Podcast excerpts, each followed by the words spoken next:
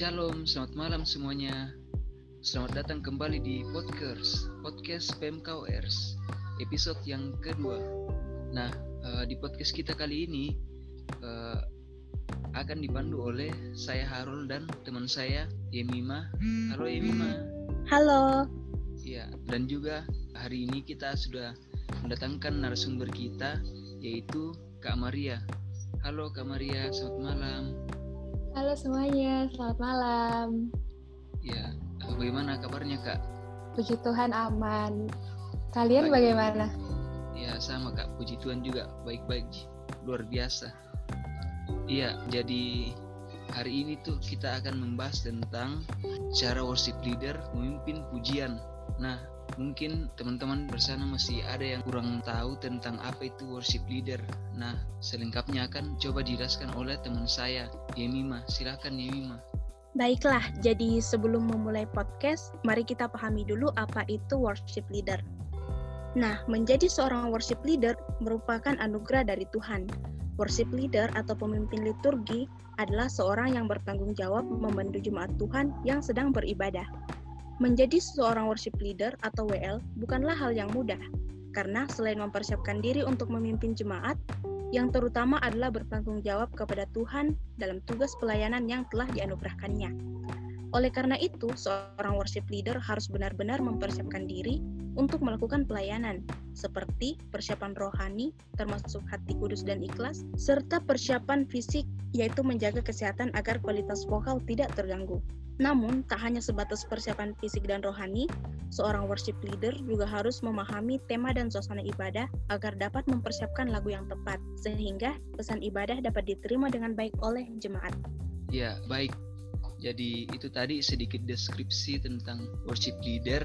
Nah, sekarang kita akan coba tanya-tanya ini sama Kak Maria sebenarnya kapan pertama kali Kak Maria itu ditunjuk sebagai WL atau mungkin Kak Maria sendiri yang mengajukan diri untuk belajar menjadi seorang WL mungkin bisa diceritakan Kak.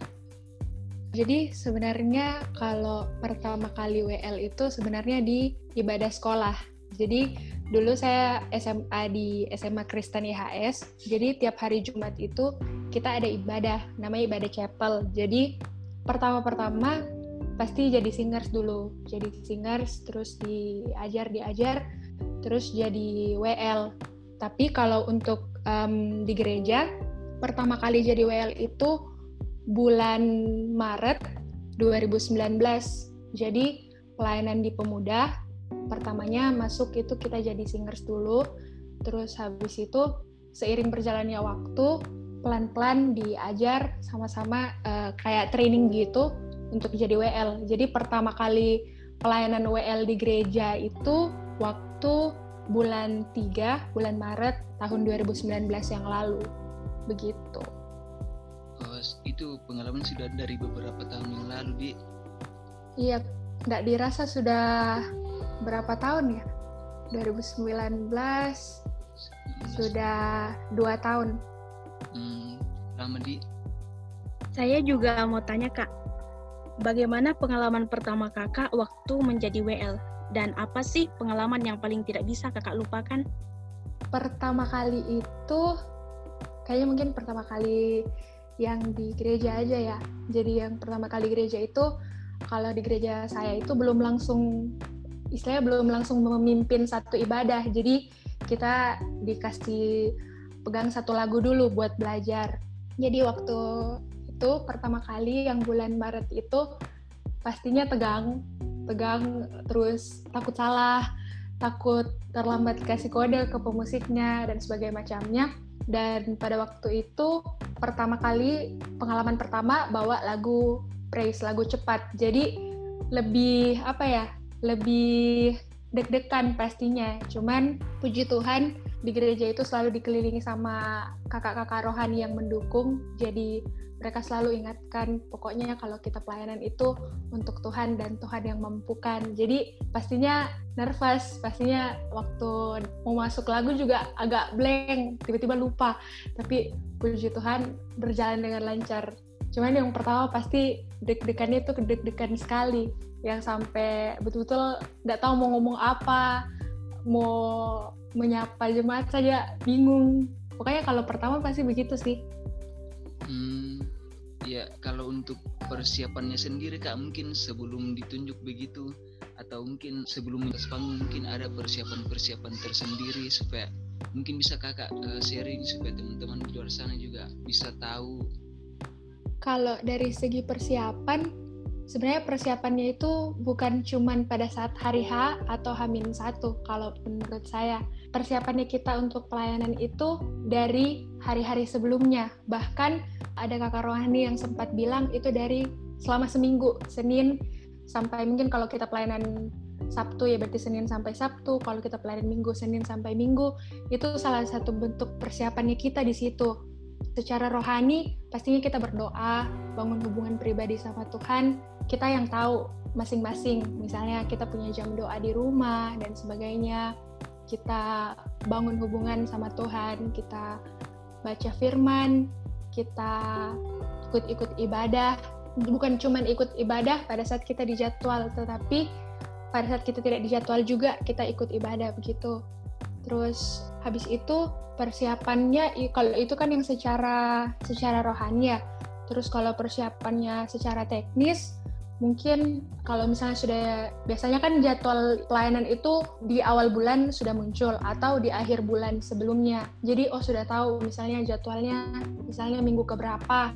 Terus kalau misalnya sudah ada tema dari gereja, cari-cari lagu, susun susun list lagu berdasarkan tema yang ada berdoa minta sama Tuhan, Tuhan uh, saya mau pelayanan nanti minggu ini. Kira-kira Tuhan mau sampaikan apa ke jemaat? Tuhan mau taruh lagu apa begitu? Biasa seperti itu, susun list lagunya. Terus habis itu jangan lupa tetap latihan vokal, tetap latihan sendiri di rumah tidak apa-apa, nyanyi-nyanyi. Terus habis itu komunikasi juga sama teman-teman pemusik tentang lagunya, ambil nada dan sebagainya macamnya. Mungkin persiapan teknisnya seperti itu juga. Jadi intinya kalau kita sudah pelayanan itu bukan cuman pada saat dekat-dekat di jadwal kita persiapan, tapi sebenarnya waktu kita memberi diri untuk melayani, mulai dari situ kita mempersiapkan dirinya kita kita mulai bangun hubungan yang lebih erat lagi sama Tuhan, kita mulai cari-cari referensi. Kalau saya biasanya juga suka nonton WL-WL lain, misalnya di gereja-gereja lain seperti di JPCC, atau mungkin kalau teman-teman juga biasa dengar-dengar di Hillsong, dan gereja-gereja besar lainnya, lihat, oh begini caranya mereka. Tapi tidak untuk di copy paste, cuman buat belajar, oh seperti ini caranya. Oh enak deh kalau memimpin pujian seperti ini. Kurang lebih sih seperti itu persiapannya. Jadi sebelumnya pasti sudah ada jadi dikasih tahu dulu deh kak, maksudnya ini yang akan uh, bertugas di minggu ke ini, jadi bisa dipersiapkan lebih awal. Jadi apa yang paling Kak Maria sulit kuasai atau apa yang paling sulit dipelajari pas ditunjuk jadi WL? Kalau paling kuasai kayaknya belum ada karena saya juga sampai saat ini masih belajar. Cuman mungkin kalau yang sulit itu kalau misalnya mungkin ada lagu yang baru ditahu, misalnya kan ada juga biasanya request lagu, misalnya mungkin yang lebih cocok sama tema atau mungkin pelayan firmannya request lagu dan ternyata belum terlalu hafal itu biasanya suka aduh bagaimana ya Terus kalau misalnya juga ada kalau misalnya di saat kita ada misalnya ada masalah-masalah pribadi dan di situ tantangannya misalnya kita di jadwal tapi ternyata misalnya mungkin ada masalah waktu di kuliah atau di sekitar itu juga bagaimana menyampingkan semuanya itu untuk kita sama-sama mempersiapkan hati yang bersih, yang tenang buat pelayanan. Sebenarnya yang sulit dan saya juga masih belajar di situ bagaimana atur fokus. Karena kalau pelayanan dan keadaannya kita baik-baik saja mungkin aman lancar. Tapi kalau misalnya kita pelayanan tapi keadaan sehari-harinya kita ada yang sedang tidak baik kayaknya di situ yang berat kalau secara pribadi untuk saya. Hmm, mungkin masih berkaitan ini kak dengan kekhawatiran yang tadi tuh. Mungkin masih ada kekhawatiran yang lain yang dialami sama kakak ketika lagi memandu pujian misalnya ketika sudah dipandu pujian tapi jemaatnya kayak tidak terbawa ki oleh suasana atau bagaimana kamu mungkin bisa diceritakan mungkin pernah terjadi pernahnya kakak begitu? Pernah. Jadi waktu awal-awal kayaknya waktu hari itu kalau saya biasanya pelayanan WL, saya tuh suka tutup mata, suka tutup mata karena takut terganggu, takut terbagi fokusnya. Terus satu ketika saya pelayanan dan saya buka mata, loh kok jemaatnya kayak kelihatan biasa-biasa saja? Begitu kayak kayak ada beban tersendiri begitu. Terus untungnya langsung cepat begitu. Puji Tuhan saya percaya Roh Kudus yang ambil alih mengingatkan kalau memang itu tugas dan tanggung jawab seorang WL untuk mengantarkan jemaat ke hadiratnya Tuhan. Tapi bukan berarti kita bergantung sama responnya jemaat gitu. Mungkin saja sebenarnya mereka terbawa cuman karena mereka juga mungkin ada pikiran jadi mereka kayak pasif begitu. Dan satu hal yang saya pelajari hadirat Tuhan itu bekerja banyak caranya. Jadi kalau misalnya masalah jemaat kelihatan seperti tidak terbawa bisa jadi mungkin di pertengahan ibadah atau mungkin di akhir ibadah baru mereka dapat apa yang uh, mereka harus dapatkan dari ibadah itu. Jadi tetap mempersiapkan diri mempersiapkan diri secara maksimal sebisanya saya. Tapi begitu sudah mau mulai ibadah saya menyerahkan semuanya ke Tuhan betul-betul yang pokoknya Tuhan Yesus yang pegang kendali penuh untuk ibadahnya yang memimpin pujian mungkin saya yang terlihat di depan mungkin Maria yang dilihat di depan tapi yang pegang kendali itu saya selalu serahkan kembali ke Tuhan Yesus. Makanya kalau ada tetap menerima masukan kalau misalnya habis ibadah mungkin oh, ada yang kurang tadi atau seperti ini dan dijadikan bahan pelajaran. Tetapi respon manusia itu tidak saya jadikan sebagai pengambil sukacita apalagi kalau misalnya ibadahnya masih berlangsung. Jangan sampai karena pas buka mata atau misalnya pas lihat ih kok mereka kurang respon atau ih mereka pasif terus saya juga ikut terbawa begitu. Jadi ya ini juga dengan belajar dengan latihan. Dan kalau kita sudah memberikan yang terbaik kita percaya. Kalau selebihnya itu percayakan sama Tuhan Tuhan pasti turun tangan. Itu sih kalau dari saya kalau misalnya ada yang kejadian-kejadian agak yang kurang enak kalau lagi pelayanan. Oh iya kak. Terus kan setahu saya itu kalau misal kita memilih lagu sekarang kan disesuaikan dengan entah itu tema ibadah atau mungkin semacam ibadah pembuka lagu pembukanya itu kita gunakan yang lagu senang dahulu atau kita gunakan lagu yang agak apa sedih atau bagaimana itu kak cara menentukan lagunya? Kalau cara menentukannya sih biasanya saya tergantung. Kayak misalnya kalau pelayanan misalnya jadi WL di PMKO kan kalau biasanya kalau awal ibadah itu saat teduh dulu. Oh berarti mungkin lagu worship lagu yang pelan duluan. Terus kalau misalnya di gereja saya biasanya itu kita kalau lagu pertama itu lagu praise lagu cepat. Jadi tergantung sih biasanya tergantung di mana tempat pelayanannya atau enggak tergantung dari kesepakatan bersama. Kan uh, meskipun saya WL tapi saya juga diskusikan sama teman-teman pemusik. Kalau misalnya WL-nya lebih dari satu orang saya diskusikan sama teman WL yang lain. Sama-sama sambil didoakan ini bagusnya lagu apa ya ditaruh di pertama? Biasanya sih kayak begitu kalau misalnya untuk pemilihan lagunya Tadi Kak Maria sempat singgung soal pemilihan lagu baru. Nah, kalau saya di gereja saya, Kak, ada lagu baru itu, lagu barunya ini pasti diputar, uh, dinyanyikan ulang-ulang supaya jemaat-jemaat itu jadi terbiasa dengan lagu ini. Nah, saya mau tanya, kalau Kak Maria jadi WL, bagaimana caranya menghadapi kalau ada lagu baru? Kalau misalnya diminta untuk membawakan lagu baru, biasanya saya kan kalau mau pelayanan itu bikin playlist, bikin playlist, terus habis itu tuh yang didengar-dengar terus. Terus kalau misalnya saya tahu misalnya ini baru baru-baru rilis lagunya atau misalnya mungkin pernah diputar di gereja tapi baru beberapa kali.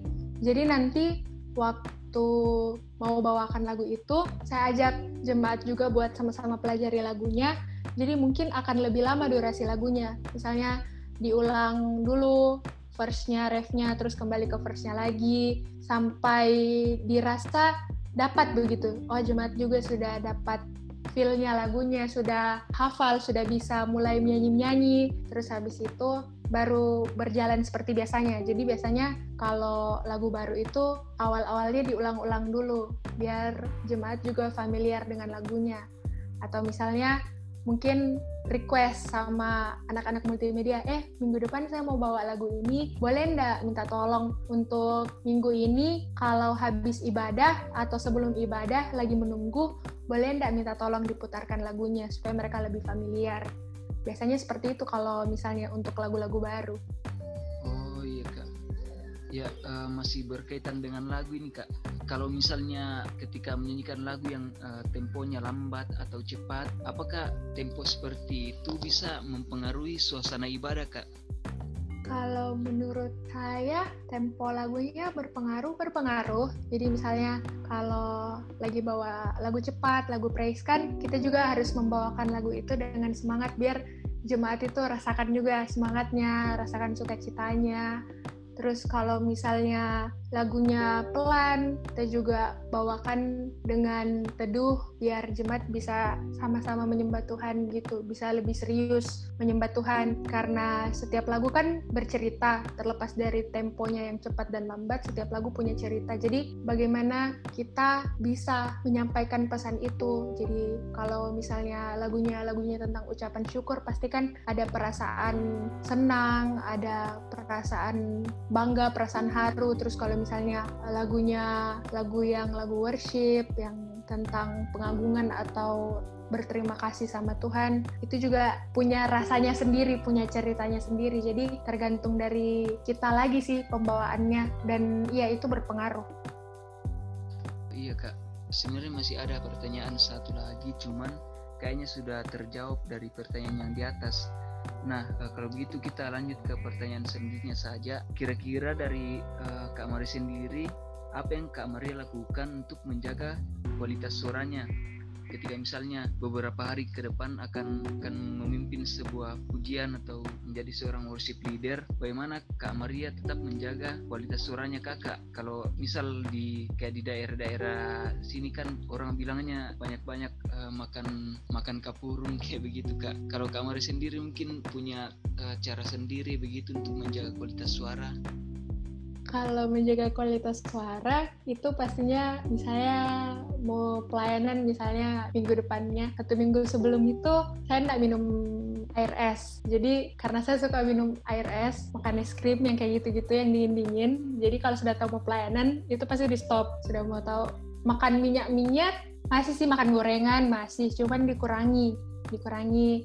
Terus banyak-banyak minum air putih Terus kalau misalnya memang masih tidak terlalu keluar suaranya, biasanya minum minum tolak angin atau enggak makan strepsil. Jadi yang kayak kayak begitu sih, cuman atur makan, atur minum, sama tambahannya kalau misalnya sudah dekat-dekat dan masih belum terlalu apa ya, belum terlalu siap suaranya, biasanya cari yang ada mint-mintnya begitu. Kalau bukan tolak angin, ya strepsil, yang kayak gitu-gitu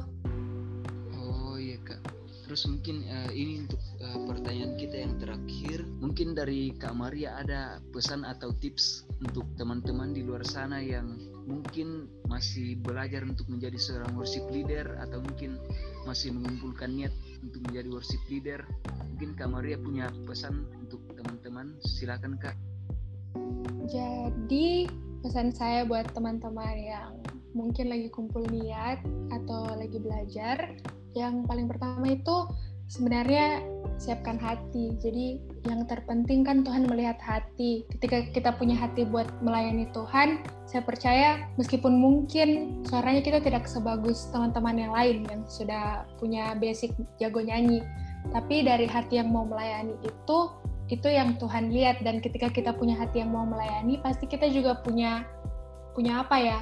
punya inisiatif oh iya saya mau jadi lebih baik lagi. Jadi saya mau melayani. Saya selain mempersiapkan secara rohani saya juga mau deh belajar-belajar menyanyi. Mulai latihan-latihan enggak apa-apa enggak les. Latihan di rumah boleh. Mulai dari hal-hal yang kecil. Terus buat teman-teman yang masih ragu yang saya cuma bisa sampaikan itu ambil satu langkah dulu. Yang penting kita itu maju dulu mau dulu. Ketika kita mau dan memang niatnya untuk melayani Tuhan saya percaya kalau Tuhan pasti akan bukakan jalan apa pun itu. Mungkin pertama-pertama mungkin teman-teman masih dipercayakan untuk jadi singers dulu, tidak apa-apa, belajar.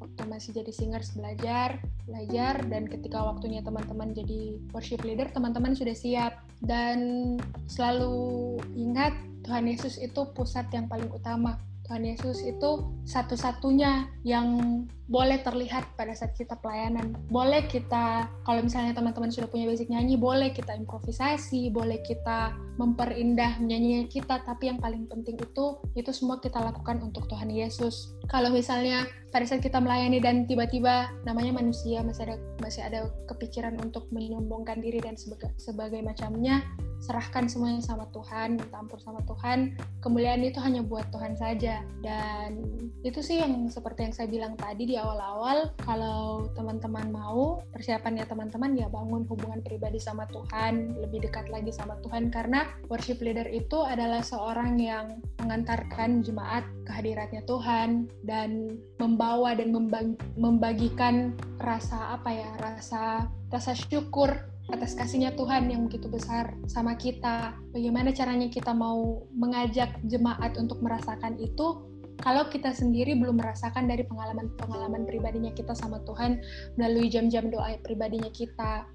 Jadi kalau pesan-pesan saya untuk teman-teman yang sedang belajar dan baru mau belajar, intinya adalah hubungannya kita sama Tuhan itu yang paling utama dan yang paling penting. Untuk selebihnya pasti Tuhan akan tuntun teman-teman. Yang penting teman-teman maju dulu teman-teman mau memberanikan diri dulu memberi diri. Saya percaya Tuhan pasti akan tuntun Tuhan pasti akan perlengkapi Tuhan pasti akan sertai sampai pada akhirnya teman-teman bisa melayani jadi seorang worship leader. Oke, jadi itu tadi teman-teman. Sudah dengar sendiri kan dari Kamaria ada beberapa pesan-pesan yang disampaikan untuk teman-teman di luar sana yang mungkin masih mempertimbangkan untuk menjadi seorang worship leader atau mungkin teman-teman masih meragukan kemampuannya teman-teman sendiri. Nah, Kak Maria tadi sudah sampaikan bahwa teman-teman pokoknya jangan ragu, jangan takut karena teman-teman pasti tidak akan berusaha sendiri. Yang penting teman-teman percaya Tuhan bersama teman-teman pasti semuanya akan berjalan dengan baik dan Tuhan pasti menuntun teman-teman ya dengan pesan dan pesan itu uh, berakhir juga lah podcast kita untuk episode kedua kali ini. Terima kasih untuk Kak Maria yang sudah bersedia menyempatkan waktu untuk menjadi narasumber kita malam hari ini. Dan untuk Yemima juga yang sudah menemani saya menjadi host. Dan untuk teman-teman semua pastinya yang sedang mendengarkan podcast ini sampai jumpa untuk teman-teman di episode selanjutnya. Terima kasih